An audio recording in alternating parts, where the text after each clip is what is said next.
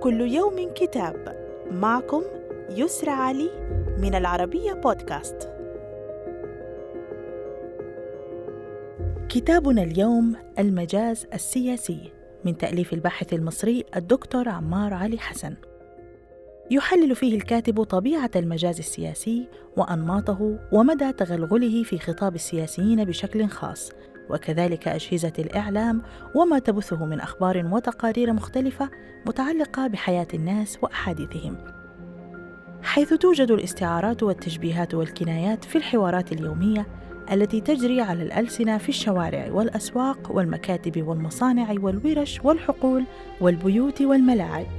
لافتا إلى أن بعض الاستعارات المتداولة تعيبها المبالغة ويمكن التعبير عنها بإشارة أو صمت.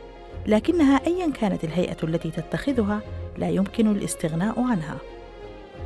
صدر الكتاب ضمن سلسلة عالم المعرفة الكويتية. وإلى اللقاء مع كتاب جديد.